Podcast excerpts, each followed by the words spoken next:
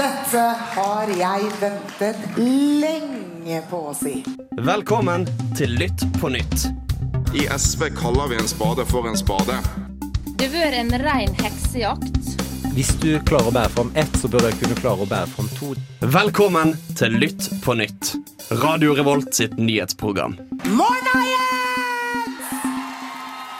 Velkommen til eh, Lytt på nytt. Ukas eh, episode med nyheter fra nært og fjernt. Som alltid. Som alltid. Ah, det skjer alltid nyheter, Una! Ikke flott? Ikke lei av den i det hele tatt. Nei, ikke det hele tatt. Nei da, den står. Eh, Med meg i studio så har jeg Guro. Ja, på teknikk. Det kan bli Gleder meg til en spicy teknikk i dag. Det Oi, spicy teknikk. ja, spicy teknikk. ja, ja. Ja, Spennende, det Jeg vet ikke om det er rett spice, eller som ja. om du tar liksom salt på grøten, liksom. Det går fint. Det går fint. Ja. Mm. Så er jeg Håkon, Hallo, hallo. Og så er Erika. Hallo! Det høres ut som jeg ble skuffet på slutten. Det var litt ille. Og så er Erika. Erika! Der er Men, det. men hvem er du? Una. Ja. Og du er Kul. Og vår kjære programleder. Ja. Hvis ikke Kul skjønte det. programleder. Veldig god programleder, om jeg skal si det selv. ok, eh, Jeg tenker vi kjører i gang med sendingen. Vi skal snakke om mye forskjellig. Så det er bare å sette i gang. Hvorfor sitter du her i stillhet helt alene? Jeg hører på Lytt på nytt. Det råder vi deg til å gjøre også. Nå skal vi snakke om kanskje den eh, eh, heteste eh, saken denne uka, nemlig Molde-ordføreren som har eh, ja, kritisert eh, Oslos håndtering av korona. Ja, det har han. Han eh, var ute Var det forrige søndag? Da var det liksom en sånn liten sånn tullesak. For jeg tror jeg husker at eh, Ja, men det Ja. var jo en tullesak. Ja, Det for har da alltid var vært en tullesak. Ja. Det det. Men den var litt mer tullete. For jeg husker at Forrige uke var det sånn Skal vi snakke om han der ordføreren i Molde? Så var det sånn ah, Nei, han har jo bare vært ute og kritisert Oslo. Liksom. Det er ikke noe Ja, det dør på spennende der. der. Det Ah. dør på én time, liksom. Ja. Ja. Men det har jo ikke de gjort i det hele tatt. Det har jo utviklet seg til å bli en slags Molde-gate. Hva er det som har skjedd, da? Jo, det skal jeg fortelle nå, Håkon. det som har skjedd, er at uh, Torgeir Dahl, uh, ordføreren i uh, Molde, var ute og kritiserte Oslo eh, for deres koronahåndtering. Og så var han på Politisk kvarter eh, en eller annen dag i løpet av denne uken, hvor han ble spurt om har du snakket med noen i regjeringsapparatet. Og så sier han nei, det har jeg ikke. Jeg har ikke snakket med noe som helst i regjeringsapparatet. Så går det seks timer, eh, og så avslører NRK at eh, det er feil. Molde-ordføreren eh, har snakket med Peder Engseth, statssekretæren til Erna Solberg. Så altså, ikke bare van- altså, Alle statssekretærer er viktig, men han jobber på statsministerens kontor. Det er Jeg tipper det er klemmevennen til her nå. De er så nærme. De er liksom så nærme ja. Ja, det er nettopp det. Det er liksom eh, Og det som er litt interessant, er jo at eh, altså, det er verdt å nevne at både Torgeir Dahl og selvfølgelig Peder Engseth er representanter for Høyre.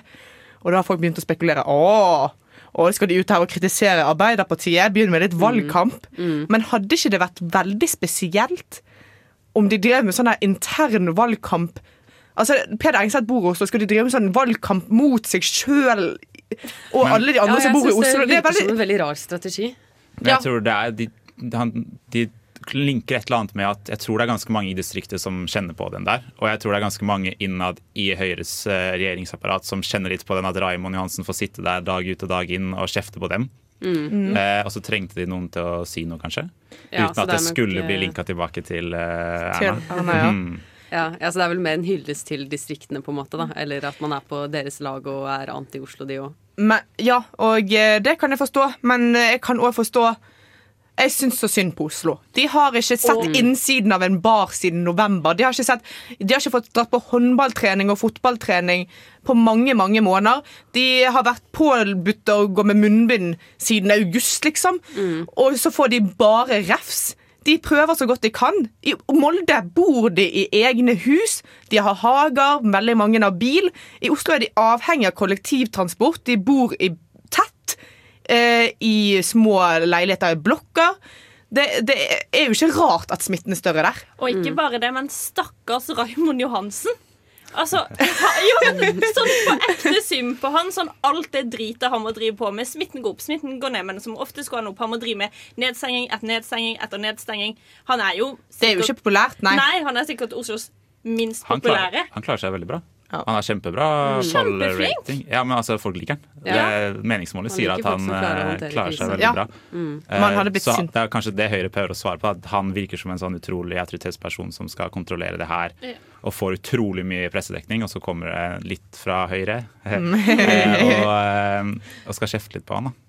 Ja. Mm, Men det, ja, som dere sier, det var ikke akkurat veldig sympatisk, det som ble sagt der. Nei, altså, Og det, det- på et veldig det- dumt tidspunkt. Altså, Oslo har jo mer smitte enn noen gang, og de har ikke mulighet til å gjøre noen ting. De, har jo allerede, de var jo allerede så strammet inn. De var så ferdig det- innstrammet, liksom. Ja, Ja. så skal det komme noen og si at det ikke er bra nok at de er stuck inn i leilighetene sine. Men man så jo også Erna som var, gikk jo ganske langt i å si at dette her blir for dumt til eh, han ordføreren. At det liksom det, det ba han basically om å legge seg flatt. At dette her Ja, kan vi ja. bare legge død nå. Og den har jo dødd ut litt de siste dagene, i hvert fall. Ja. Det har roa seg ganske mye. Det har jo det. var mest eh, i midten av uka. Ja, ja. Det er, altså, det er jo ganske stort når selveste Erna Solberg sier unnskyld. Altså, hun er jo kjent for sine uh, famous ord. Uh, jeg ville ikke brukt akkurat de ordene. Hun, det er jo ikke en kvinne som, uh, som ofte sier unnskyld, så Raymond Hansen skal ta den til seg, tenker jeg. Men jeg føler hun måtte jo si unnskyld når ordføreren Ja. var sånn Jeg vet ikke om det er eh, beboerne i Oslo, eller om det er byrådet. Så. Hun må jo ha vært litt flau over sine Ja. egne partikollegaer. Jeg tror til og med Det- villastemmene i vestre Oslo hadde, var litt sånn mm, Ja. Var på tide. Var bra hun gjorde det. ja. Oh, wow, Dubai ble mye bedre med Lytt på nytt på øret. Vi kommer ikke unna å snakke litt om vaksinetrøbbel, vaksine... holdt på å si trøbbel, men nå er det en ny vaksinestrategi. Ja, det er jo blitt det, som jeg føler at veldig mange er glad for. Det er jo at eh, nå skal vaksinene bli fordelt på en annen måte. At de byene med større trykk da, med smitte kommer til å få vaksiner. At de får de fleste. De får ikke de fleste. Det er veldig, det er veldig moderat. de får. De får mer liksom, i forhold til hvor stor smitte det er. Det er veldig stor enighet om at det er Ja. logisk. Det er, Det er jo- forsvarlig. i Oslo. Ja, Ja. ja. Storbyene er det veldig enig. Men Men- de, de fleste har jo vært enig i dette her. Sånn Det har kommet kronikker etter kronikker eller uttalelser om at vi burde fokusere på de byene. Vi burde ikke ha likt liksom, med byer som har 50 smitta, liksom. Det har jo vært en del eh, ordførere på Vestlandet, inkludert uh, Molde-ordføreren, som har signert eh, et skriv og sendt til Stortinget at de er imot dette her. Dette Ja. går, eh, dette går på bekostning av dem, og da ønsker de ikke det. Og så, ja. Jeg har jo sagt tidligere at jeg var litt imot en skjevfordeling i vaksine, men nå har vi vaksinert de aller mest utsatte menneskene i de fleste områder i Norge, altså de som er inne på gamlehjem og over 85, liksom. Eh, Og da blir det på en måte mer naturlig for meg at eh, når de menneskene som på en måte er størst sjanse for at skal inn på sykehus, har på en måte blitt ferdig vaksinert, at vi da gjør en moderat skjevfordeling for å redde flere liv i Oslo og andre områder med, med høyt smittetrykk, liksom. ja, for faktisk er alle i gamlehjem vaksinert nå. Ja. Hey. Så da er det liksom at Ja, det er ukas gladnyhet her. Eller månedens. Men hvis det nå kommer et stort smitteutbrudd i f.eks. en Tromsø, da, eller her, for den saks skyld, hvor det har vært veldig lite, er det sånn Da da, at de vi om, omdirigerer vaksiner hit da? Det, det må de gjøre da, for det, Ja. det er ikke Oslo skal få, det er områder med høyt smittetrykk, For liksom. det er inntrykket inntrykket av det jo debatten er. jo Ja. Ja, At det er liksom, nå skal Oslo få, og det skjønner man jo når man ser Nei, der. da. Men så er- kan man stille spørsmålet hvor nyttig er det at man ok, nå er det så mye smitte i Trondheim, skal man veldig fort eh, endre på eh, eh, vaksinestrategien, og så får Trondheim vaksinene etter at smittetrykket har gått ned igjen. Jeg tror det er derfor de var litt, sånn at, eh, var litt skeptiske til det her, for det ble litt sånn reaksjonær greie. Ja, og det skal på en måte ikke vaksine være, det skal være en langsiktig strategi. Ja, Men eh, sånn for eksempel, Oslo har jo hatt høyt smittetrykk siden denne pandemien begynte. Ja. Og noen andre områder, som eksempel Sarpsborg, har jeg inntrykk av at de ikke klarer å slå ned på smitten heller. Eh, Så det finnes jo noen områder som har hatt langvarige eh, utbrudd de ikke helt klarer å kontrollere. Her i Trondheim Mm. har vi hatt noen småutbrudd hvor vi har måttet eh, gjøre innstramminger og sånn i koronaregler her, men vi har jo stort sett fått ned smitten Ja, relativt ja. raskt, Ja. egentlig. Ja, det var bare studentene kom tilbake, og så stoppa smitten. i Ja. Trondheim. Save the day. Og når vi tror, så blir det enda større smitte. Folk klager på oss. Nei da. Men så har det òg skjedd masse gladnyhet med korona, for en gangs skyld. Det er jo Man kan dra på ferie, mest sannsynlig i, før sommeren. Noen rykter om mai, som jeg vet ikke egentlig jeg burde være så glad for, men det er veldig gøy. Men er ikke det en rar vinkling at det, er sånn, nå skal vi Ja. på Granca? Før, ja, for jeg leste en kronikk av en eller annen eh, En sånn eh, gammel eh, professor i juss i Bergen. Liksom var sånn Vi som er vaksinert, bør få dra. Så det er sånn Ja, men da gidder ikke jeg å gi eh, mine vaksiner til mennesker på 60 hvis de bare skal dra til Granca og ikke bare liksom overleve. Vil, og da vil jeg ha vaksinen. De skal Ja, så ikke få skal de ta med seg masse smitte tilbake igjen, da, for Ja. de kan jo fremdeles være bærere av viruset. Ja, og jeg gidder ikke at sånn Jeg som ungt menneske skal ofre hele mitt liv. Eh, altså Det er jo det jeg føler jeg gjør akkurat nå. liksom Veldig dramatisk. Men for at noen gamlinger skal få dra til Gran Canaria Jeg beklager, det kan dere få ta til neste år. Men det er derfor den vinklingen er så rar. fordi de folkene som faktisk trenger å reise ut av landet, er jo de med eksempel familie i utlandet. Eh, som Ja, ikke har ja. sett de på et år. Det er jo de som man på en måte vil åpne opp for. Det er jo ikke disse rike villafolka som ikke Ja, har hatt korona. i jeg har ikke fått dra på hytten min i Ja. Torrevieja. Det kan de gjøre neste år òg. Mm. Eh, men jeg har veldig mye sympati med de som har familie i Sverige og Danmark og i resten av landet også. Det har jeg. Men, eh, Men det er jo ganske sånn Jeg tror det handler også mer om hva det betyr liksom, å vite Oi, snart Ja. kan man dra på ferie. Det betyr mer frihet enn før. Mm. Men samtidig er jeg jo helt enig med at Granka det er ikke på Ja. prioriteringslista.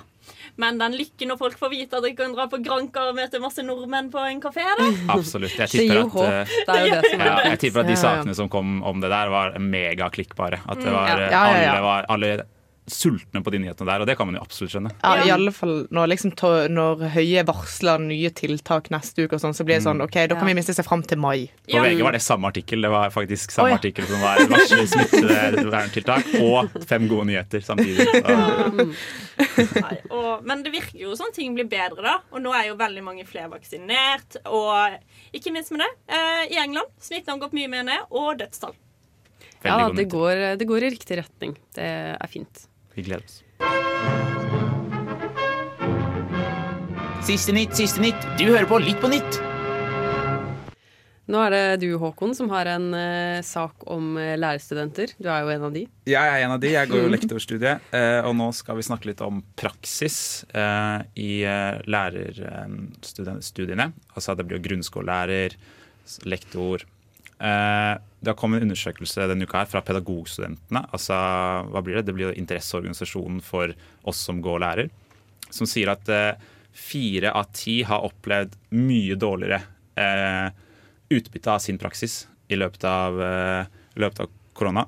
Eh, og det er liksom en del av en sånn større trend hvor lærere bare har det kjipere og kjipere på, eh, på skolene under korona. Du ser Det er nesten 50 av eh, de som nå er i eh, skolen, som har vurdert å bytte, eller er på vei til å bytte ut av læreryrket. Oi.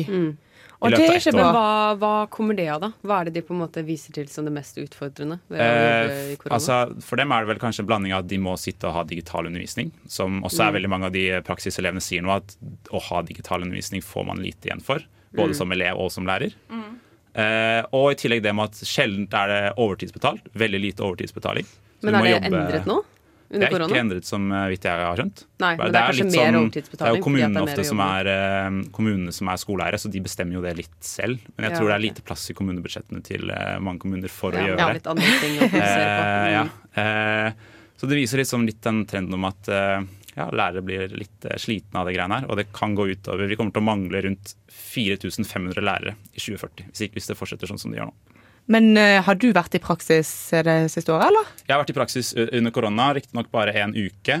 Uh, og det er en helt annen debatt, men jeg fikk ikke noe ut av det. Fordi Nei, det er bare en dårlig ordning fra NTNU. Men de som har vært i praksis tre, da, for oss som er i praksis i nesten åtte uker, de sier at eh, det har vært store utfordringer. Og, og de som var det i fjor, da det kom i mars, de sa at det var enorme utfordringer med tanke på hvordan eh, det hele er lagt opp og hva slags informasjon flyt de får, og at de ikke rett og slett bare de får, eh, de får ikke noe ut av det, for de bare sitter hjemme og skal ha det over PC.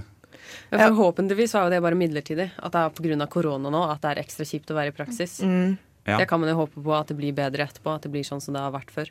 Jeg har hørt veldig mye om at sykepleiere har opplevd at eh, de er redd for at de ikke skal på en måte få de samme jobbene, da, eh, nå når de er ferdig med dette. Hvis de, de som er ferdige nå, har hatt liksom masse praksis og sånt under korona, for mange av de har ikke engang fått dra i praksis. Fordi du kan ikke drive med digital praksis på sykehus liksom, og gamlehjem. Og sånt. Og så er det veldig mange som føler at de, kanskje, at de er redd for å bli sånn annenrangs Mm. sykepleiere. Ja. for det er jo på en måte koronakullet. altså det, og det Ja. gjelder jo egentlig hele Absolutt. veien. altså Både de som går på barneskolen og ungdomsskolen, videregående, som studerer, som skal ha praksis. Man får jo huller i undervisningen i denne perioden. Absolutt. og for noen Ja, ja. så er jo dette veldig avgjørende, eller har vært et avgjørende år eller avgjørende semestre Ja, ja, ja. for utdanningen. Så det er jo forståelig at man sitter og er bekymret for sånne ting. Og ikke bare huller, men du mangler jo kunnskap. For det er jo Mm. en grunn til at du skal dra på praksis. Det er for mer kunnskap og for mer på en måte ekspertise i det du faktisk skal jobbe som når du er ferdig å studere. Ja, for å skape Absolutt. trygghet i yrket ditt, liksom. Absolutt. Ja. Og veldig mange av de som går disse profesjonsutdanningene, Mm. går nettopp det fordi de får den praksisen. Fordi de ønsker å utforske yrket samtidig som de lærer om yrket. Eh, Mm. Og for dem er det en motivasjon å komme seg litt ut av skolebenken. Hvis ikke så kunne man jo Jeg kunne helt fint gått statsvitenskap bachelor og så tatt en PPU. Ja. Eh, men jeg trenger den praksisen, da. Og det mangler man litt nå. Ja. Du hører på Radio Revolt, studentradioen i Trondheim. Jeg elsker kommunereform, og derfor hører jeg på Lytt på nytt. Nå skal du ha en liten kjendisspalte, Kjendishjørne, Ja. eh, her, Erika. Vi Det- skal snakke om eh, monarki. Britisk ja. kongehus. Ja, det britiske kongehuset, for det har jo vært veldig mye styr gjennom de siste åra. Vi har jo eh, prins Andrew, vi har veldig mye Diana. Diana. Ja, Ja. vi har, det er jo ganske tidlig. Og så var det sånn at Meghan Markle og Harry de gifta seg jo, og det gikk ikke så bra. Det ble så mye én hats og rasisme fra engelske medier, og virker som familien, så de rømte til California. Og nå har de kommet ut med et intervju fra Opera, hvor de på en måte skal forklare Eller vise sin eh, side av historien. Men det kommer natt til mandag. Alle må se. Vi gleder oss. Å ja, så Ja. det er ikke ute ennå? Det, det er ikke ute i Norge. Jeg tror det er ute i USA og sånt. Nei. Oh, ja. Natt til mandag. Nå er det bare sånn klipp eller trailere på en måte for å vise Men, hva men hva er skandalen, da? At de har hatt et intervju med Ja. Opera? Ja. Oh, ja, Det er jo brennende alle broer. Ja, Å ja, ok. fordi eh, det, Det- det britiske kongehuset har ikke lov å snakke med media, ha intervjuer på den måten. Men har ikke de gått ut av det britiske kongehuset, da? Jo. Jo, de har abdisert da- fra sine kongelige Mm. plikter. Så de har egentlig lov, men egentlig ikke lov, og så er det Ja, okay, Altså, De er like skandaløse som han uh, Hvis vi tenker tilbake til 20-tallet uh, Han kongen som abdiserte fordi eh, han ville gifte seg med en skilt kvinne. Liksom det, mm. Vi er på den, uh, det Men nivået. er skandale. kongehuset fortsatt der? Er det fortsatt så enormt konservativt? Jepp. Ja, altså Det er det som er så gøy på en måte med det britiske kongehuset, at de er like konservative som de var Ja. for uh, Ja, 6000 Ja, ja. Dronningen har ikke smilt på 15 år. hun har ikke smilt. Altså, det var jo stor skandale når prins Harry ville gifte seg med Meghan Markle. Litt, uh, litt rasistiske undertoner der. Ja. Ja, Eh, veldig Og så var hun amerikaner òg, da. amerikaner Det, det var ikke så farlig, egentlig. Det Jeg var vært mer opptatt av det enn noe annet. Ja, skuespiller. Ikke helt hvit. Vært, vært naken på t Ja. TV. For at Suits er en dårlig serie, så det er Ja, det, altså, det er jo, jeg syns det er skandaløst å spille i suits, egentlig. Men i hvert fall hele greia er jo at de har egentlig hatt det ganske fælt. Og når de kom ut med dette, eller skal komme ut med dette intervjuet, plutselig så ble det noen anklager som kom fram i media om at Meghan Markle hadde fått to ansatte til å si opp og ødelagt en en eh, emosjonelt. Men eh, kan jeg spørre Det er greit at pressen liksom gjør det de gjør. I, I Storbritannia er pressen kjent for å være ganske forjævlig med ganske mange folk. Men er det innad i familien også? Hva er det som skjer der? eh? Ja, det er jo innad i familien, fordi at de kommenterer ikke. De har ikke støtta noe. Blant annet når pressen var ganske fæl med Meghan Markle. Tok det dritlang tid. De sa egentlig ikke noe, men med prins Andrew så var de på ballen. Og hver eneste konflikt så har det vært veldig mye på ballen. Men akkurat med Meghan Markle så har de ikke det. beklager, jeg nekter å tro at Meghan Markle er verre mot de ansatte på kongehuset enn Princess Anne og dronningen sjøl og dronningen sin søster Margaret. Liksom, de høres helt jævlig ut, hele gjengen. I The Crown, da. jeg I. The Crown. Eh, og jeg tar The Crown og Atlantic Crossing som Atlantic dokumentarserier. Ja, men Eh, det, det er jo sant, for det har kommet ut noen saker før om at de har vært helt grusomme med liksom, de ansatte. Det hadde ikke sjokkert meg i det hele Nei, tatt. nei, er du gal? hadde, jeg vært, hadde jeg vært kongelig Jeg kan love dere at jeg hadde ikke vært et hyggelig menneske.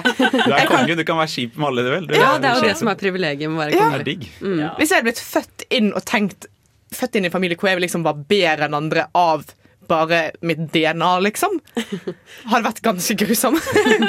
Men kan jeg spørre, hva er det som er det, Du hadde nevnt noen klipp og sånn. Har det noe kommet noen dråper av hva de skal si? Eh, det har vært veldig mye fra Megan sin side, da, med at eh, det handler om institusjonen. At institusjonen er den som på en måte ødelegger livet.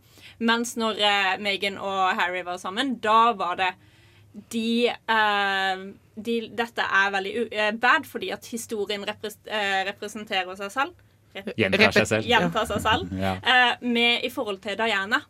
Og at hun gjorde alt dette Ah. alene med presten, var helt utrolig. Fordi at de to hadde alle ille nok som bokstavelig talt rømte. Og med tanke på at hun holder jo på eh, Meghan Markle er gravid, så hun har jo liksom det yngste nye familiemedlemmet i magen. Og alt ødelegges, liksom. Og de er så fæle. De er kjempeslemme! sånn, se for deg liksom hvis du hadde kommet inn i en familie, og det eneste du får høre, er rasisme, hvor ille du er, og på alle nyhetskanaler bare 'Hvorfor har hun blitt eh, dronning?' Ja, uff, det høres ikke veldig gøy ut, nei. Men da vet vi hva vi skal gjøre en natt til i morgen. Vi skal uh, se på det intervjuet. Om vi skal! Ja da, ja. Mitt navn er Martin Lepperød. Du hører på Lytt på nytt! Vi må en uh, liten tur uh, over Atlanteren. Atlanteren? Ja. Jeg er like usikker hver gang. Jeg pleier å si det her. Crossing. Ja. Atlanteren. ja, vi må svømme over der til eh, The United States. Ja, vi må dit. Vi vet at det er mange lyttere der ute som er USA-eksperter, sånn som vi er. Ja. Eh, Alle nordmenn er jo det. Ja, Eh, det, vet det- vi godt. Så vi tenkte vi skulle prate litt om eh, Først kanskje litt mye sørstaten i dag. Det skjer sjuke ting der hver forbanna uke, så det er jo fort dit man kommer. Eh, I Texas denne gangen, de har åpna. Texas er helt åpent. 100 Ja. ja, Si det til de eh, titusenvis av menneskene som døde. der. i, skal vi se, Jeg har tall på hvor mange som ble dårlige dårlig der i går. 4000 nye smittede i går. ja. De, de som ikke har vann. Samme folka. De som ikke har vann. De har fått tilbake vannet, heldigvis, men, og smitten. Så eh, det døde 223 stykker der i går. 4000 nye smittede, og bare 8% av befolkningen er vaksinert, som er ca. det samme som Norge. vel. Vi ligger vel på 5 Det er jo helt vilt. eh, Men det er 100 åpent, da. så der kan man ta seg Ta seg en utepils. ja, med dine 40 nærmeste venner. I guess. Kan man dra på nattklubb, liksom? Ja, Det virker sånn. Ja. Det virker som at det er ganske sånn No more mad! Det er så normalt, nærmest. Ja. Eller Joe Biden kan jo fortsatt tvinge de til å bruke munnbind i føderale bygninger. Føderale bygninger. Men eh, så når det ikke er på kongressbygningen i Texas O'Learys i Houston er ikke Det er ikke på Det er ikke føderal bygning. Vet du. Nei, fader òg. Ah. Den er kjip. Nei, og det har skjedd noe nesten triste, vil jeg tørre å påstå, i Georgia, en annen sørstat. Der har det vært en del innskrenkninger i stemmelovgivningen. At det er hvor lett det skal være å stemme eh, for eh, statens eh, befolkning. Eh, som da særlig går utover minoriteter. Dette har man sett i USA lenge. At det republikanske partiet eh, de går eh, veldig hardt inn for å innskrenke rettighetene til mennesker som eh, de vet ikke kommer til å stemme på dem uansett. De så at eh, de snudde blått Mm. dette valget her, og så ble det sånn Å, Stacey Abrams har fader meg klart har snudd Georgia. Det er får vi- akkurat det som har skjedd. De Ja. seriøst, Rett etter at den, eh, det senatvalget kom, den, eh, denne loven John her har- ble blitt pusha gjennom. Elsker deg. Eh, blitt pusha gjennom som bare rakkeren. Og nå er den på nei, Den skal sies at den har bare gått gjennom ett av husene i Georgia, så den har ett hus igjen å gå gjennom før det blir lov. Men er eh, det er gode muligheter.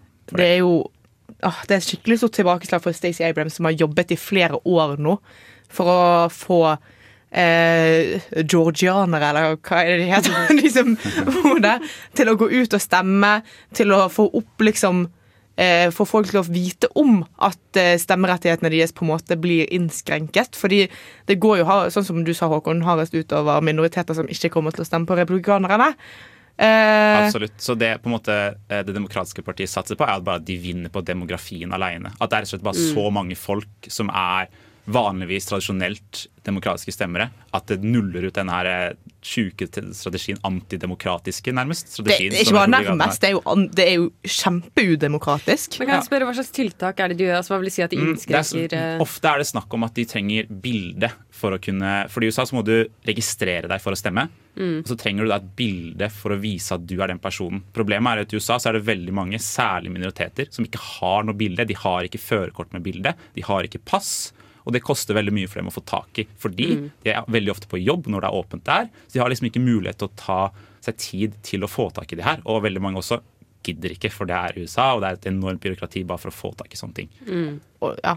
Så det er også ikke vits i. Ja. Stemmen din er ikke så viktig at du må gjennom alle disse prosessene. Nei, de, liksom. også, de er mye apati der også. De Ja. kjenner at de, de gjør ingenting for dem uansett. Skal de, Mm. hvorfor skal de jobbe igjen to dager i strekk for å få deg en uh, bilde av seg selv? Ja, ja. vet at de er seg selv. Det er mye også sånn, ikke det veldig mye også sånn at de på en måte lager valgdistriktene sånn at eh, det blir fordelaktig for republikanerne. liksom. Absolutt. Ja. Og i tillegg stenger valglokaler i områder som er kjent for at veldig mange folk må jobbe og kommer på kvelden. Mm. De stenger vi tidlig, for det er ikke så farlig. Er det mulig for Ja. et litt som demokrati Ja. USA er? Åh, Man blir jo helt uh, matt. Ja.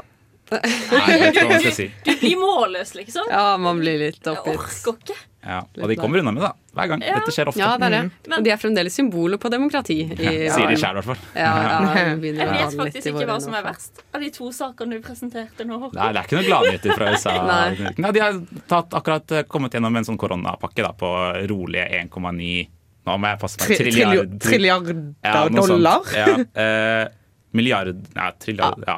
Ja. 1900 milliarder dollar. Det er, ja. Der, ja! Der, ja. det er fint. Ja, det går litt eh, opp og ned i USA som eh, vanlig. Mest ned. Der er Tete, og du hører på Lytt på nytt. Paven har tatt seg en liten ferietur eh, til Irak for å henge med ayatollahen der. Hvordan har det gått, Erika? Nei, altså, det virker jo som det går fint, da. Eh, paven har jo dratt dit fordi han ønsker å eh, avslutte vold og ekstremisme, og i hvert fall mot kristne, for de har vært veldig utsatt. Som annet den eldste eh, kristne samfunnet i eh, Irak. De var før 1,4 millioner. Nå er de 250 000. Som sier liksom hvordan det egentlig er å være Hva- kristen i Irak. Hva skjedde med de resterende? Flyktninger eller drept.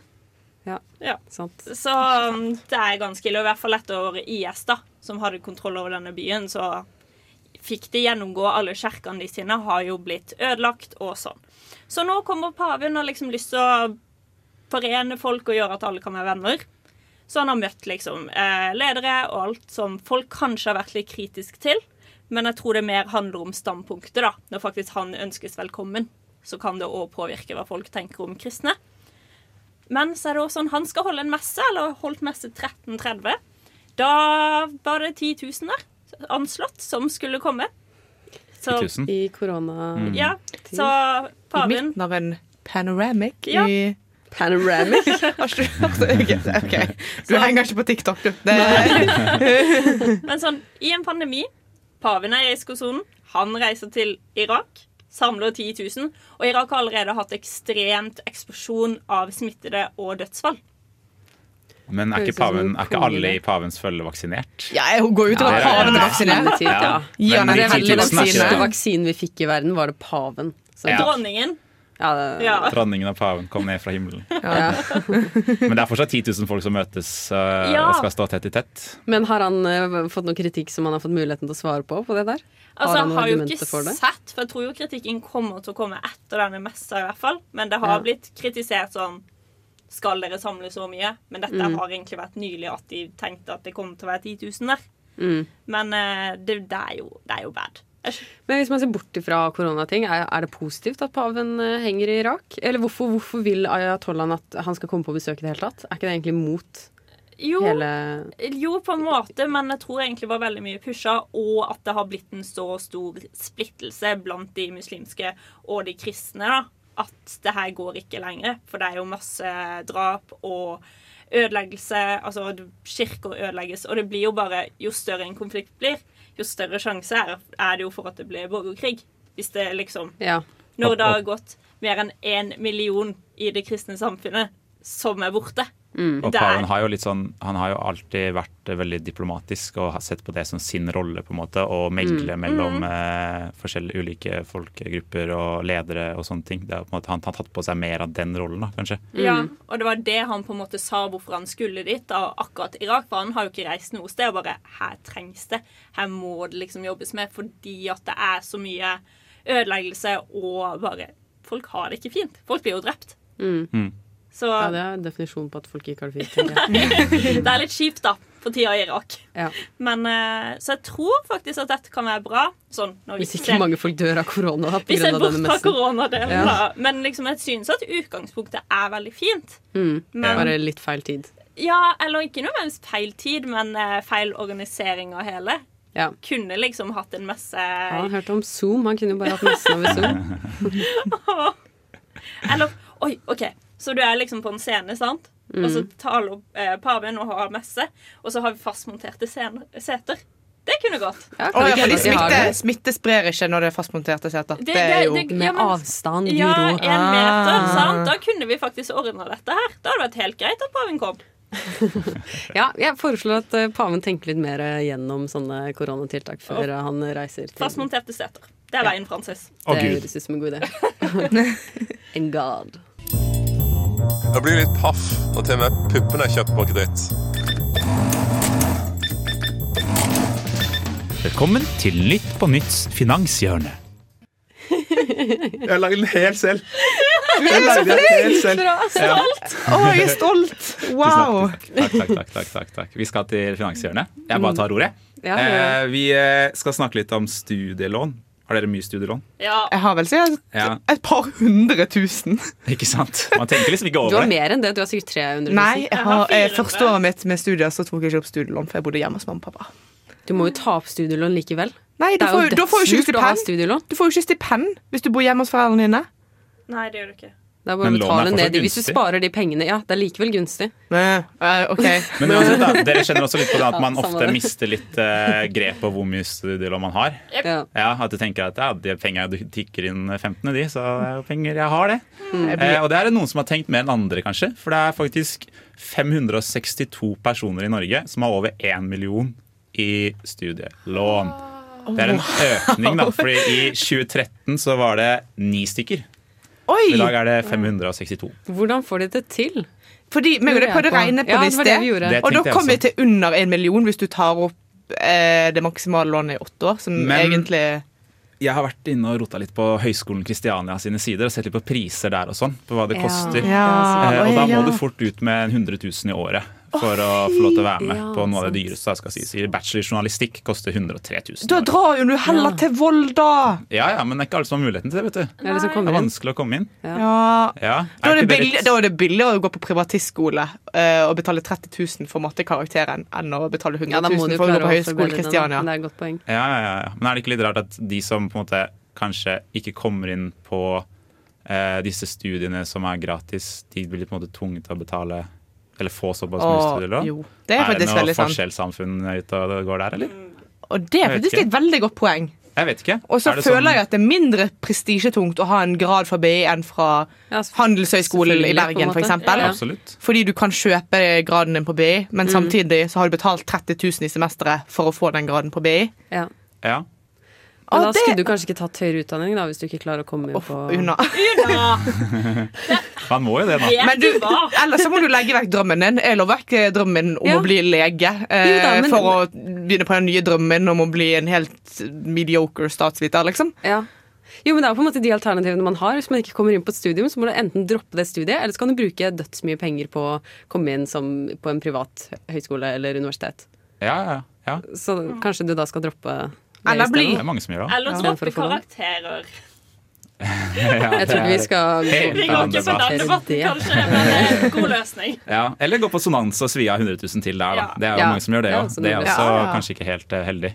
Eller bare sånn lær deg sjøl på privatist. Det gjorde jeg en gang, og det gikk egentlig ganske greit. Ja. jeg gjorde det Ja, mens jeg gikk på videregående. seg Det var- sånn det er bare å Eh, ja, det var psykologi 1 mens jeg gikk på skolen. Det var liksom, det, altså, psykologien psykologi 1 er ganske lite imponerende å gjøre det bra i. Altså. Jeg Mm. ja, det var lett fag. Snakkes når du tar R2 og matte 1 samtidig. Det, jeg tok Eh, R... Nei, vent, jeg tok Nei, nei, nei, nei, nei, jeg har ikke stolt P-matteelev. Det året hadde jeg òg R-matte. Det gikk ikke like bra. Men eh, det er en annen historie. Det høres ut som en lite, veldig lite vibes fra hjørnet her nå. Ja. Jeg vet ikke hva R-matte er. Realfagsmatte. Det er den vanskelige matten man Det er tar den på vanskelige videregående. Det er matten, det. Luna har fått seks i, sikkert. Ja. Ja. Men Den jeg fikk tre i. Det, Apropos dette her med karakter karakterer og sånn, da. Hva med yrkesfag? De som tar påbygg. Det er det jeg mener. Hvis du ikke kommer inn på studiet, ta yrkesfag i stedet. Vi Ja, mangler mange yrkesfag. Ja. Det er det vi gjør. Hvis de ønsker høyere utdanning, de ønsker å jobbe med noe annet Ta påbygg, da. Ja, det er det jeg sier. Ta Ja. påbygg. Men Mm. da har de allerede mangler kunnskap som de andre har fått. Som Hæ? fører De har jo ikke hatt like mye utdanning i disse fagene. Det er derfor du har ti timer norsk i uken. Ja, men det, hvordan tror du det går med de karakterene? Du, men vet du hva? Det er jo mange av de som på en måte ikke er klar for å ha så tungt i begynnelsen av videregående. Som på en måte For eksempel broren min var ikke klar for å ha studiespesialiserende i VG1, men i VG3 så var han det. Ja. Ja. Eh, hva var det vi egentlig snakket om? Eh, studielån. studielån. Ja, folk har mye studielån. Ikke, ikke gjør det, da. Nei, ikke noe på utveksling til Berkeley. Men studielån er det beste lån du kan ha, så Ja. det er egentlig ganske positivt. Sant. Fortsett å ta opp lån. Hei sann, jeg er en veldig viktig person, og jeg hører på Lytt på nytt. Det gjør du også. Det er jo eh, valgår, så vi må jo snakke litt om eh, valget. Vi eh, Ja, det er jo vi, vi, jeg føler, Nå skal vi snakke om Rødt. Partiet Rødt. Vi skal jo Rødt. gå litt i rødt. Farge. Raut. Ja. De har jo ja, alt Har de, på nynorsk har de til det på rødt. nynorsk? Ja, Kan jeg være medlem av partiet Raut? det kan du. Yes, nå ble Kanskje det må aktuelt. det nå som det er nynorske partiet. Jeg, jeg liker tanken. Jeg, jeg syns jo tre ting er søtt. Kommunisme, Odda og nynorsk. Så det hadde jo egentlig passet meg Wow, veldig bra. Perfekt vennbidrag. Ja, vi skal i hvert fall ta for oss eh, litt av eh, det Rødt har vedtatt for valgåret 21. For de har landsmøte as we speak. Eh, Så det er jo spennende. Det er jo ikke Tja, hvor spennende er det egentlig? Landsmøter er jo ofte litt sånn Det er dritgøy. Ja, det er veldig gøy, men det er ofte veldig sånn pirkete. Vi legger til et komma der. Eller Ja. eh, vi skal fjerne det ordet fra Vi tar vekk veldig i den Åh, setningen. eller når valgkomiteen sånn valgkomiteen ikke leser sakene, så innstillingen din sin er feil. Ja, litt dårlig Det er også en frustrasjon. Ja, eh, det er det mange som sitter og kjenner på. Ja. Men um, ja, det, noe av det de har snakket om, eh, er eh, rusreformen. Ikke så overraskende. Mm. leksefri skole. Klassisk rødt. Eh, streikerett for skoleelever. Litt uh, spesielt, uh, det, ja. Ja, streike skal man når man er rødt. Det Ja. må være lov. Ja. Altså, Og så har de snakket en del om klimapolitikk. Eh, både klimarabatt, der er det selvfølgelig litt uenigheter. Eh, det vil si at man får en eller annen eh, rabatt på avgifter hvis man kjøper klimavennlige ting. At man eh, at det skal, penger. at det skal være Det- det er lurt å velge Ja. klimavennlig, liksom. Enkelt og greit. Eh, De har, de har vedtaksforslag om å droppe havvind, altså imot havvind, og egentlig vind Hvorfor det? generelt. For det ødelegger naturen og fuglene og Mm. Fuck fuglene. Ja, Eh, hørte det her. ja. Dette ble også, dette ble også vedtatt i går, tror jeg? Ja, Eller i forgårs? Det ble vedtatt i går. Ja. Mm. Mm. Og så har de også eh, snakket om oljenedtrapping, altså å ikke ha en sluttdato for det. Det er jo veldig arbeidervennlig, ikke så klimavennlig, kanskje. Men Nei. det er jo fordi eh, Rødt fronter seg sjøl som Altså, det er mer arbeidervennlig enn klimavennlig i det partiet, Ja. liksom. Ja. De velger jobber foran framtiden. Ja, Eh, det er et Tydelig steg bort fra SV, i hvert fall. I, Ja, eh, det- ja, det- det- det det- Det er mange som kritiserer de for å bli mer og mer som SV, men eh, her har Ja, de tatt et standpunkt som er mye. Standpunkt imot klima. Ja. Ja. Men de sa vel også til akkurat den med å ikke ha noe stopp for uh, olje, sa de også at det er ikke noe nyttig å ha en sånn stoppdato. Nei. Det er mye bedre å ha delmål underveis, Mm. som er en veldig sånn politikerting å si. Og Mm. det klinger jo ikke godt i ørene i det hele tatt når de sier at nei, vi skal, det høres ut som vi ikke skal slutte med olje. Ja. Jeg tror heller ikke det er det de helt mener. At, men det kommer jo ikke fram i det hele tatt at de mener at man skal jobbe aktivt med delmål hele veien for å eventuelt stoppe det én dag. Mm. Det er veldig lett å si sånn ja, i 2030 skal vi være ferdig. Ja. Men hva skjer da? Altså, du må jo starte et sted. Det er jo feil å starte med slutten, på en måte. Ja. Det er vel deres logikk, da. Mm, men samtidig så er det jo gjerne nyttig å ha en eh, dato. Vi sier jo at vi skal være 50 eh, ned i utslipp innen 2030. Det kommer jo ikke til å skje, selvfølgelig, men Nei. vi har likevel et slags mål om at vi jobber mot en dato. At det er likevel nyttig å uh, ha det på den måten, da. Uh, ja, de har snakket om uh, kjøttforbruk, hvordan man kan redusere det. Eh, opptatt av det Her kommer litt sånn klassisk landsmøte, endring av vedtekt. Det står jo i em, i partiprogrammet til Rødt at de skal for, forby ville dyr i sirkus. Endre til forby dyr i sirkus. Fjernet ville. Eh, Men det var én ting de har vedtatt, eller de skal muligens eh, vedta, som jeg syns var sykt interessant, da, med at de skal få abort eh, fra, At man kan ta abort fram til uke 22. Mm. Og Ah. grunnen til dette er at i Norge er det lov å ta fram til uke 22, men du må gå for en abortnemnda. Så de ønsker å fjerne abortnemnda, så man skal liksom sitte der og Men all, altså det er selvbestemt abort for, altså i alle tilfeller fram til uke 22? Ja. Mm. OK.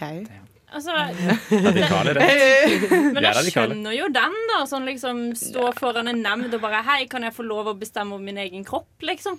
I, ja, jeg skjønner jo det i de tilfellene hvor det er Eller naturlig å ta å bruke abort. skattepengene til eh, den norske befolkningen for å Nei, unnskyld, nå skal ikke jeg Hva, begynne hva å er det dere tror, liksom? Nei, men altså, jeg, jeg er for at man skal kunne ta abort hvis liksom det altså, Nå skal ikke vi gå inn i disse diskusjonene.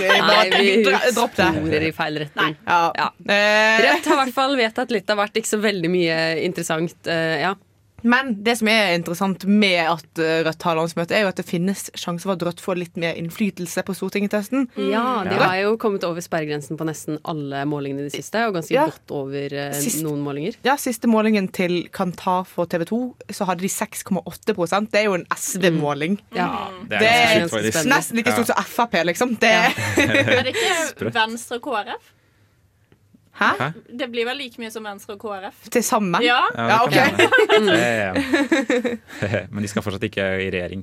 Nei, nei, Nei, men, de, nei, men det de, de vil jo aktivt ikke i regjering, sånn, i motsetning til SV, liksom. Ja, de vil ha innflytelse, men ikke makt. Ja. Det er vel det de sier. Og ikke har vi. Ja. ok, greit. Det var i hvert fall litt om eh, hvordan det ligger an med Rødt nå etter ja. landsmøtet. Eller vi får jo se resten i morgen, siden de fremdeles holder på i dag. Spennende. Neglebiter. Kan ingenting, vet ingenting.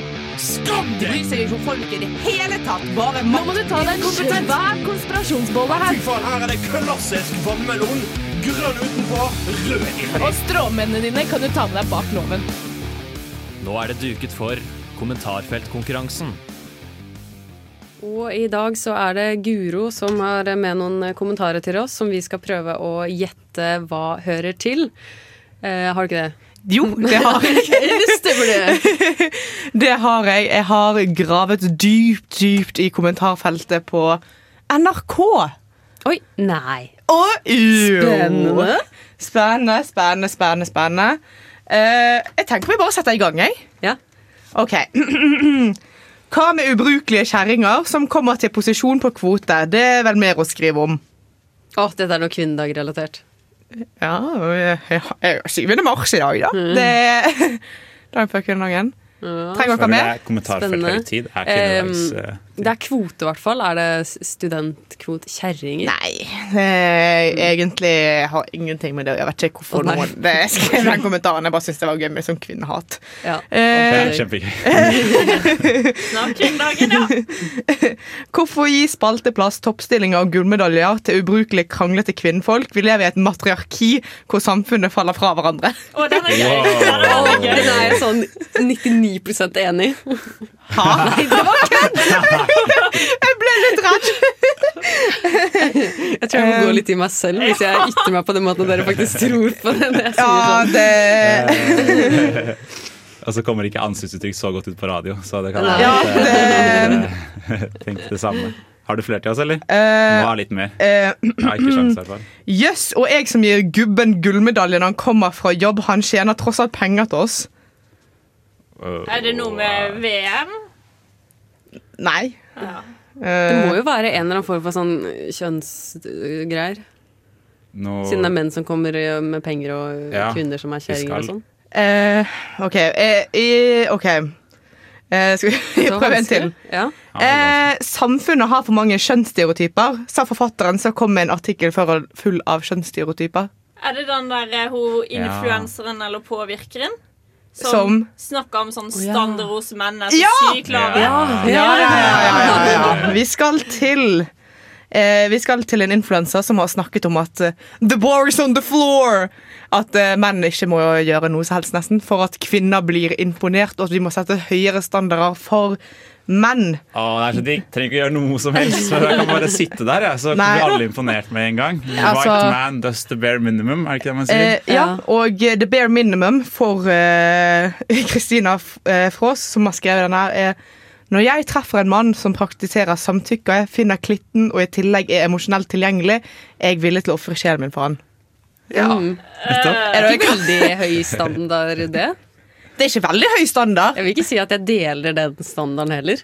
Det høres ut som hun har funnet seg en standard her som er litt rar, og så er, Ja, er dette ja, et har tenker å dele det med resten av Ja. Norge. Ja, uh, ja, men det har vært veldig mye sånn der Å, har vi for lave standard til menn? I det siste, i alle fall, uh, jeg henger mye på TikTok, uh, og der er det iallfall veldig mange som er sånn Herregud, vi må slutte å liksom hylle denne mannen som sa at han var imot voldtekt, fordi det er jo Det er jo minimumskravet. Ja, men ja, jo da, det er kanskje en tendens i USA, i hvert fall, men det er jo godt begrunna, for der er jo flesteparten Trump-tilhengere, på en måte.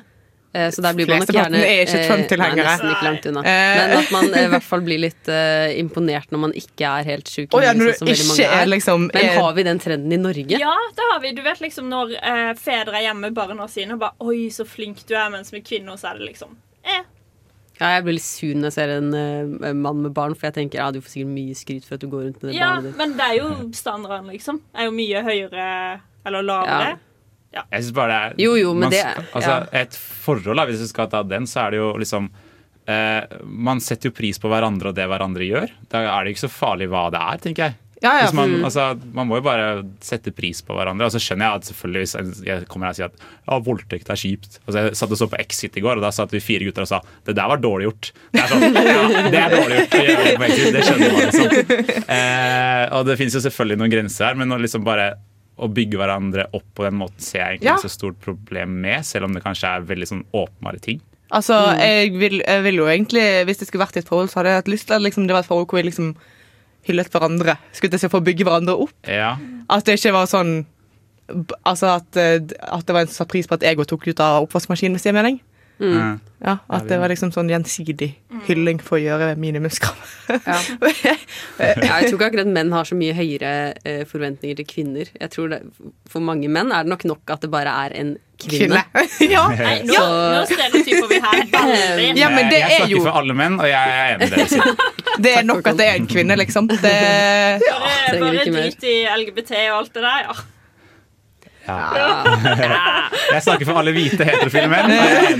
Der har vi han, der har vi det er.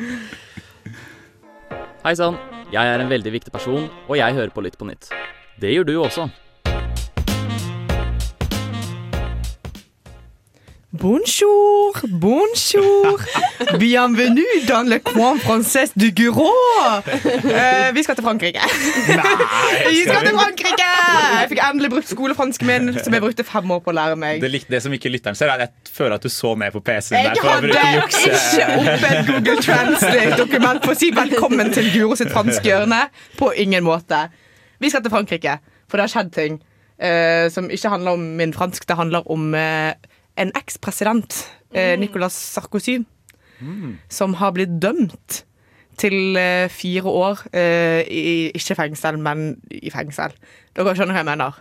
Vent litt, nå er det Altså, faktisk en det er to og betinget. Betinget, om. Eller tre, ja. og så var det sånn ah, Men hvis han bare skal sitte ett år i fengsel, så kan han bare få fotlenke. Og så, ja, Mm. Du skjønner hva det er. Er det faktisk en autoritetsperson som har blitt holdt etter standarder? ja, det er det, det som er så sykt.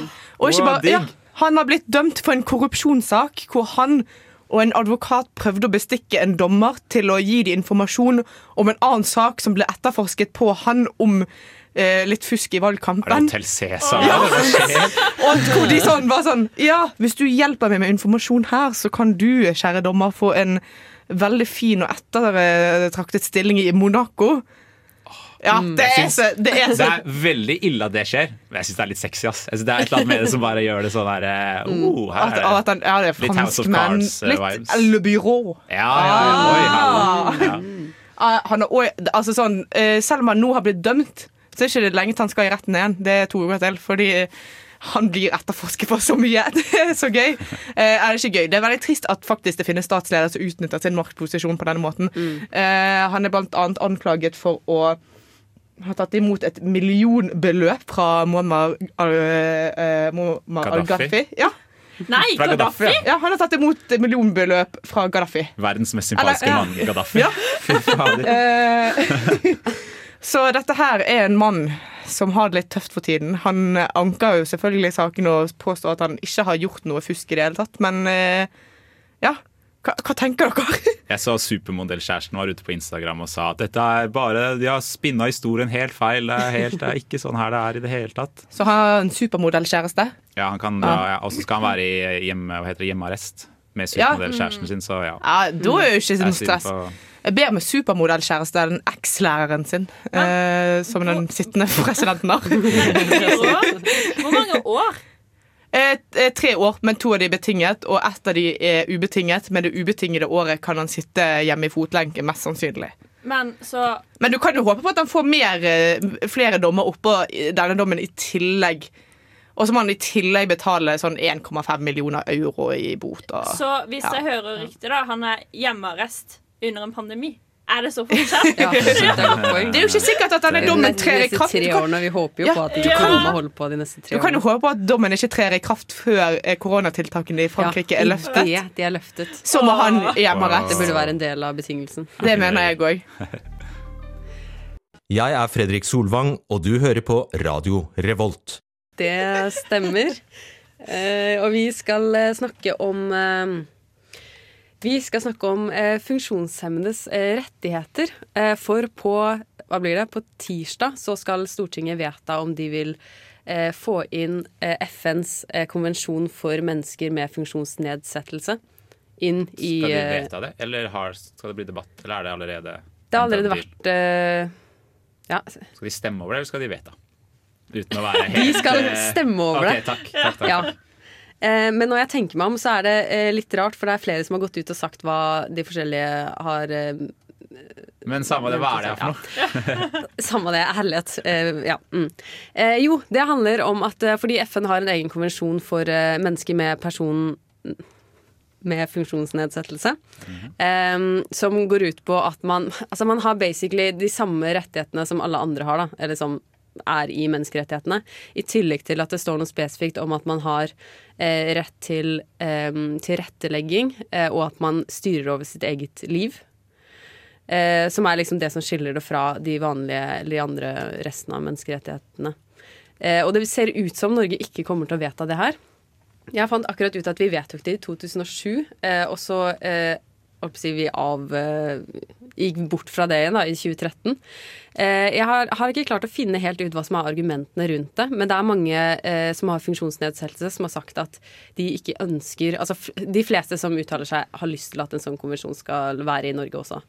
Men det er også en del som går ut og sier at de ikke ønsker det fordi de skal ikke bli sett på som noe annerledes enn noen andre mennesker. De skal ikke på en måte ha en egen konvensjon. Men da kan man jo se litt på eh, barn og kvinner har jo også en Ja. egen menneskerettighetskonvensjon. Så hvis man skal sammenligne med det, så er det jo Uten å, naturlig. uten å liksom anta uh, hvordan disse menneskene føler det er åpenbart ulike syn her, så syns Mm. jeg det høres litt rart ut, Uh, med tanke på at man må jo anerkjenne sin egen situasjon, og at man trenger noen verktøy i hverdagen som kanskje ikke de som uh, er funksjonsfriske, trenger. da. Ja. Mm. Men jeg synes det er litt rart at vi ikke har det her fra før av, eller? Ja. Ja, altså min teori eh, det er at vi tenker at man har de samme rettighetene som alle andre.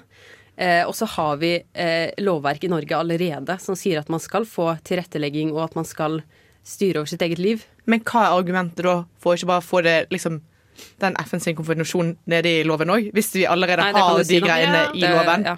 Det er jo kjemperart å ikke bare ratifisere det inn i loven vår. Liksom. Mm. Ja, for sånn Rent intuitivt så høres det jo helt sykt ut at Norge ikke har vedtatt menneskerettigheter, på en måte. Ja, for men eh, Er det kanskje noe med tilrettelegginga og hvordan det skal være, eller? Ja, men Det står det ikke noe spesifikt om i, i FNs Men det kan jo hende at vi i norske lov har noen unntak fra det. på en eller annen måte.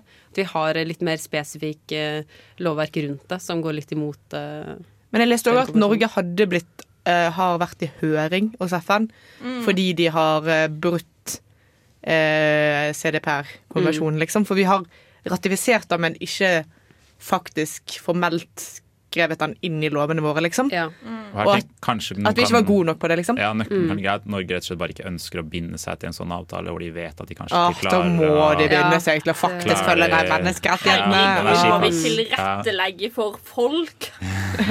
sånn. Det skal man ikke gjøre. Nei. Nei, Ja. Nei, det høres jo veldig rart ut at man ikke har eh, vedtatt det allerede. Nå skal vi høre med en mann som står veldig langt unna mikrofonen, hva han syns om Radio Revolt. Radio Revolt er den beste studentradioen i Trondheim. Jeg hører på det hver dag. Skikkelig bra. Det er jo kvinnedagen i morgen, 8. mars. Vi kan jo ikke la det gå eh, forbi uten å diskutere litt kvinnedag-ting. Som vanlig. Årlig tradisjon. Årlig tradisjon. Skal bli litt diskusjon når det er kvinnedag. Mm. Jeg tenker vi kan snakke litt om, eh, for der tror jeg vi er litt uenige hvorfor vi egentlig har kvinnedagen. Hva er det vi egentlig skal bruke denne dagen til? Hva er formålet? Og det tror jeg det er veldig mange politiske som sier. Kan vi begynne med mannen i studio? Ja, vi begynner med mannen i studio. Oi, nå skulle dere sett uttrykket til Erika. Vi begynner alltid med mannen i studio. Alltid mannen, som kommer først, men OK. Nei, jeg vil bare eh, slenge ut en ting eh, som jeg reagerer på som vi menn gjør. Vi menn, ikke bladet. menn. som er å gratulere kvinner med kvinnedagen. Ja. Det er feil premiss eh, for Mm. min del. Eh, det handler ikke om å feire kvinner på den måten at liksom Det blir jo valentines. På en Ja. måte. Gratulerer, du skal, gjøre- her, Ja, eller vi 17. gjøre mai eller morsdag. Ja, nå skal vi gjøre stas på kvinner. Det er jo ikke det det handler om. Er det Nei. det? Nei, Spør jeg. det er ikke det det handler Nei, om. bra. Jeg føler det er litt gøy å gjøre stas. Eller sånn, ja, men det skal tilbake. ikke være gøy med kvinnedagen. Dette er en eh, Det skal det jo. Til fare for å høres ut som en sint feminist, det er en kampdag! Hvor vi skal kjempe de eh, sakene som ikke er eh, Som vi ikke har kommet gjennom ennå. Vi skal bekjempe Ja, men her kommer det et godt poeng. Fordi ja, det handler om at vi skal kjempe for at det skal være et mer likestilt verden. Fordi vi kan være ærlige, det er det ikke. Men det handler også om å hylle de som har tatt kampen for oss. For det er jo det vi må feire. Det er jo ikke oss som har gjort at vi kan stemme. Det er ikke oss at vi faktisk har mulighet til å jobbe, og ikke at eh, mannen vår eh, bestemmer økonomien vår. Ja, er men eh, poeng. vi skal likevel ikke gratulere hverandre, for vi har ikke gjort noen ting. Vi er bare er- heldige som er blitt født i Norge. Det og har, er en dag man må feire. Fordi vi hadde ikke hatt de mulighetene vi hadde hatt i dag. Hvis ikke det hadde blitt Så gjort. man feirer Ja, men så mulighetene er det sine, da? Eller man, Ja, man feirer men det blir jo fort veldig vanskelig hvis man både skal trekke fram vanskelige saker fra rundt omkring i verden, eh, mangla abortlover, kvinner som blir eh, banket opp av mannen sin, samtidig som vi skal ha Ja, det gøy. ja, Ikke, Og feire hverandre og si er gratulerer med dagen til oss. Unnskyld. Godt poeng, Håkon. Godt poeng. Men det handler ikke om hverandre, det handler om selve dagen. Du kan liksom gå i tog, du kan liksom stå for deg, men dere kan òg gjøre noe fint etterpå. Fordi at det er en kjempefin dag. Det er verdens beste dag. Alle må gå i tog 8. mars. Ja, jeg er litt stor. Ja, men det er det jeg syns er litt uh, feil syn på det. For meg er det liksom mer en kampdag og en mulighet til å sette lys på saker som man kanskje ellers glemmer litt. Ja, men, uh, og at man skal ikke da først gjøre det, og så skal man gratulere hverandre og Nei, ha det gøy jeg etterpå. Det blir. Jeg beklager, men var ikke vi på Cava søndag forrige 8. mars under? Var ikke du med på det? tvunget med. Det var dårlig stemning på sending, så da måtte jeg bli med. flere dager etterpå.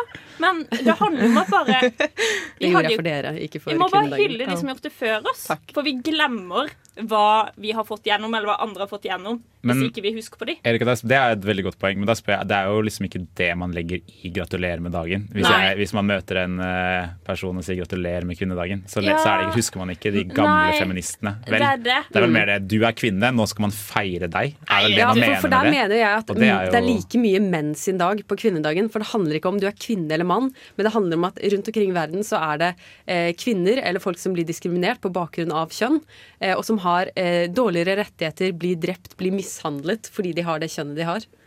Eh, Skal man, eh, Kjapt spørsmål. Eh, Skal man ikke si gratulerer med dagen på sånn 1. mai og sånt òg? Er det bare 17. Bare mai? jobber. det er noe annet. Ok, så, siden jeg har jobbet Ja, tilbake, pizzabakeren, så kan, jeg, så kan dere Husk å si gratulerer med dagen til meg. Men det er absolutt også en kampsak. Eller ja, for det, ja, for det er en kampdag. Det, da blir jeg litt sånn usikker. Er det en sånn Å, fy, ikke si gratulerer med dagen den dagen. Men. Una, du nevnte jo nettopp ikke sant, at det skal være alle likestilling for absolutt alle. At ikke det bare handler om kvinner, men folk som på en måte har det fælt. Og den likestillinga, det er jo derfor det er så fint at vi har paroler som ikke bare i Norge, men bl.a. Moria-leiren og sånt. Ja, det syns jeg er veldig viktig. Ja. Jeg mener jo på mange måter at kvinnedagen burde være for eh, kvinner utenfor Norge, på én måte. Altså at vi først og fremst skal se utover der det er verst, der vi har en eh, lang kamp i vente. Eh, og i solidaritet med de Skal vi eh, drive sette med lys på det. whataboutism, liksom? Nei, vi skal selvfølgelig også ha fokus på her i Norge. Men jeg syns likevel at de viktigste sakene ute i verden, det er eh, abortlover eller eh, kvinner som blir banket opp av mennene sine, eller som ikke kan kjøre bil fordi de er kvinner, eller ikke går på gaten alene uten å bli voldtatt. Det er liksom hakket viktigere, tross alt, enn at vi har litt eh, lavere lønn enn menn. Ja, I gjennomsnitt. Det, altså, jeg er jo på mange måter enig med deg. Er litt sånn, er du for helt strengt likestilt når det gjelder norske og internasjonale saker? Sånn som du er veldig for streng likestilling ellers òg, Juna? At det må være 50-50 Vi kan gjerne ha 50-50. Jeg syns den er fin. Eh, ja, Vi kunne godt hatt 50-50. Men, hva- men jeg syns generelt bare at man skal ha litt mer fokus på de På- store ja. Ja, eh, sakene framfor eh, Selvfølgelig, men vi har jo problemer her i Norge. Absolutt. Eh, Utrolig mye sånn eh, utenfor vår lille boble, men inni vår lille boble er det jo òg problemer som eh, Kvinner jobber jo gratis ute fra eh, i midten av november til desember av lønnsgape. Eh, Hva er det? Lønnsforskjellen? Lønnsgapet, ja. Lønnsforskjell! Ja. Ja. Mm. Så det viser jo at vi har fortsatt dritmye igjen å fikse. Ja. Absolutt. Ja, Vi skal snakke litt mer om eh, litt spesifikke saker, men først så skal vi høre på låta 'Going Postal' med 'The Good, The Bad and The Sug'. I'm the drag queen for president. I know y'all ain't starting this white ass party without me. I don't need to be humble. Hi, my name is Bob the Drag Queen, and you are listening to Radio Revolt. Vi skal fortsette å høre litt, nei, snakke litt om eh, kvinnedagen som er i morgen. Eh, Jeg tenkte vi skulle gå litt inn på spesifikke saker. Er det noen ønsker på saker vi har lyst til å trekke fram? Oh, om det er. Vi kan annet snakke om Dette er en eh, sak som irriterer meg veldig mye. At å bli gravid eh, er en faktor ved ansettelse. Bare som kvinne så er man redd for at denne jobbsøken kan bli gravid, og den kanskje blir nedprioritert i forhold til hvem som kan ansettes. en veldig gammeldags holdning å ha at det Ja. er fortsatt er sånn. Fordi i Norge er jo det lover som sier at menn skal ha en tredjedel av øh, sånn her fødselspermisjon, kvinner skal ha en tredjedel. Så kan du gjøre hva faen du vil med den tredje, men tredje tredjedel. Men uh, menn må jo åpenbart ut i permisjon, de òg, hvis de blir fedre. Er dette en, et stort problem? Ja. Er det mange som opplever dette, tror? Jeg tror det er et uh, nedadgående problem. At Ja. uh, dette er jo noe man har snakket om veldig lenge, uh, og mindre nå. Og det tror jeg er fordi at det er mindre Men, eh, fortsatt et problem. enn noen. Ja, Ja, det er ja. fortsatt et problem, og spesielt sånn i forhold til offentlige jobber. Så Ja. er det et stort problem. Fordi tingen er, det er jo ikke diskriminering på papiret. Det er sånn 'Å ja, den passer bedre og bedre', men det gir jo ikke jobber ofte. Eller det er en faktor til å ikke gi jobb. Mm, ja, Det det blir jo litt samme som utenlandske navn. Ja. Ja, det er jo lite diskriminering igjen på papiret i Norge. Det er, det Mm. man vel, det er vel lov Ja. å si. Ja. Jeg har litt lyst til å eh, trekke fram eh, Jeg sitter her med eh, listen over paroler på eh, 8. mars-toget eller markeringen i Trondheim. Jeg har lyst til å trekke litt fram saker som jeg kanskje sånn intuitivt ikke tenker nødvendigvis er kvinnekampsaker. For eksempel eh, ja til seks timers arbeidsdag. Nei, det føler jeg heller er en 1. mai-sak. Men igjen, Mm. det, du kan jo argumentere for at uh, kvin da er det kanskje flere kvinner som går ut i 100 %-stillinger, hvis de på en måte For ofte er jo det kvinner som går ut i deltidsstillinger for å tilbringe tid med familie. Så det var veldig Mm. Men er ikke det et valg man skal få lov til å ta?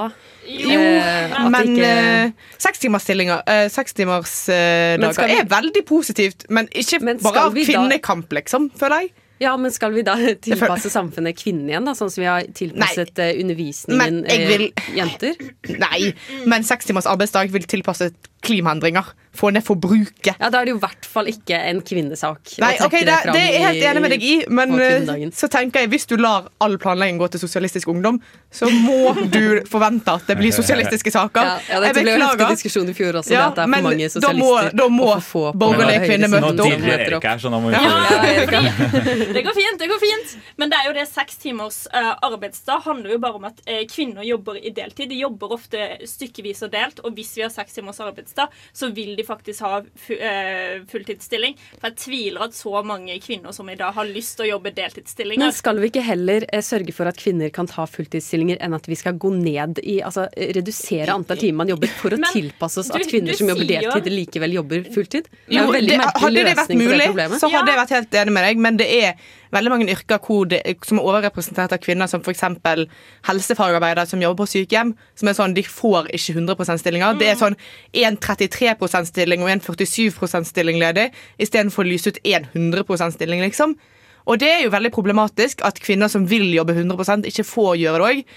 I de yrkene som er overrepresentert av menn. Og så er det sånn, ja, ja, men du kan velge et annet yrke, og menn kan velge de yrkene. Men så er det sånn i dag at det er kvinner som velger den typen yrker. Ja, det kan, Man kan selvfølgelig se på det som et uh, problem, men jeg uh, tenker ikke at løsningen er at man skal da tilpasse samfunnet sånn at Du må jo likevel- tilpasse samfunnet sånn at det er mulig for de å Tilpasse få samfunnet kvinner, sånn at vi har ett kjønn Nei, som men du må kunne tilpasse arbeidsmarkedet sånn at kvinner òg kan få jobbe 100 Det er jeg enig i, men jeg er ikke enig i at det skal Men reduseres til seks timers det er så eh, enkelt som dette at seks timers ar arbeidsdag er bra for uh, arbeidsdag, men samtidig flest kvinner jobber i offentlig sektor med får prosentstilling, så derfor er det en kvinnesak. Takk for meg, velkommen til My TED Talk.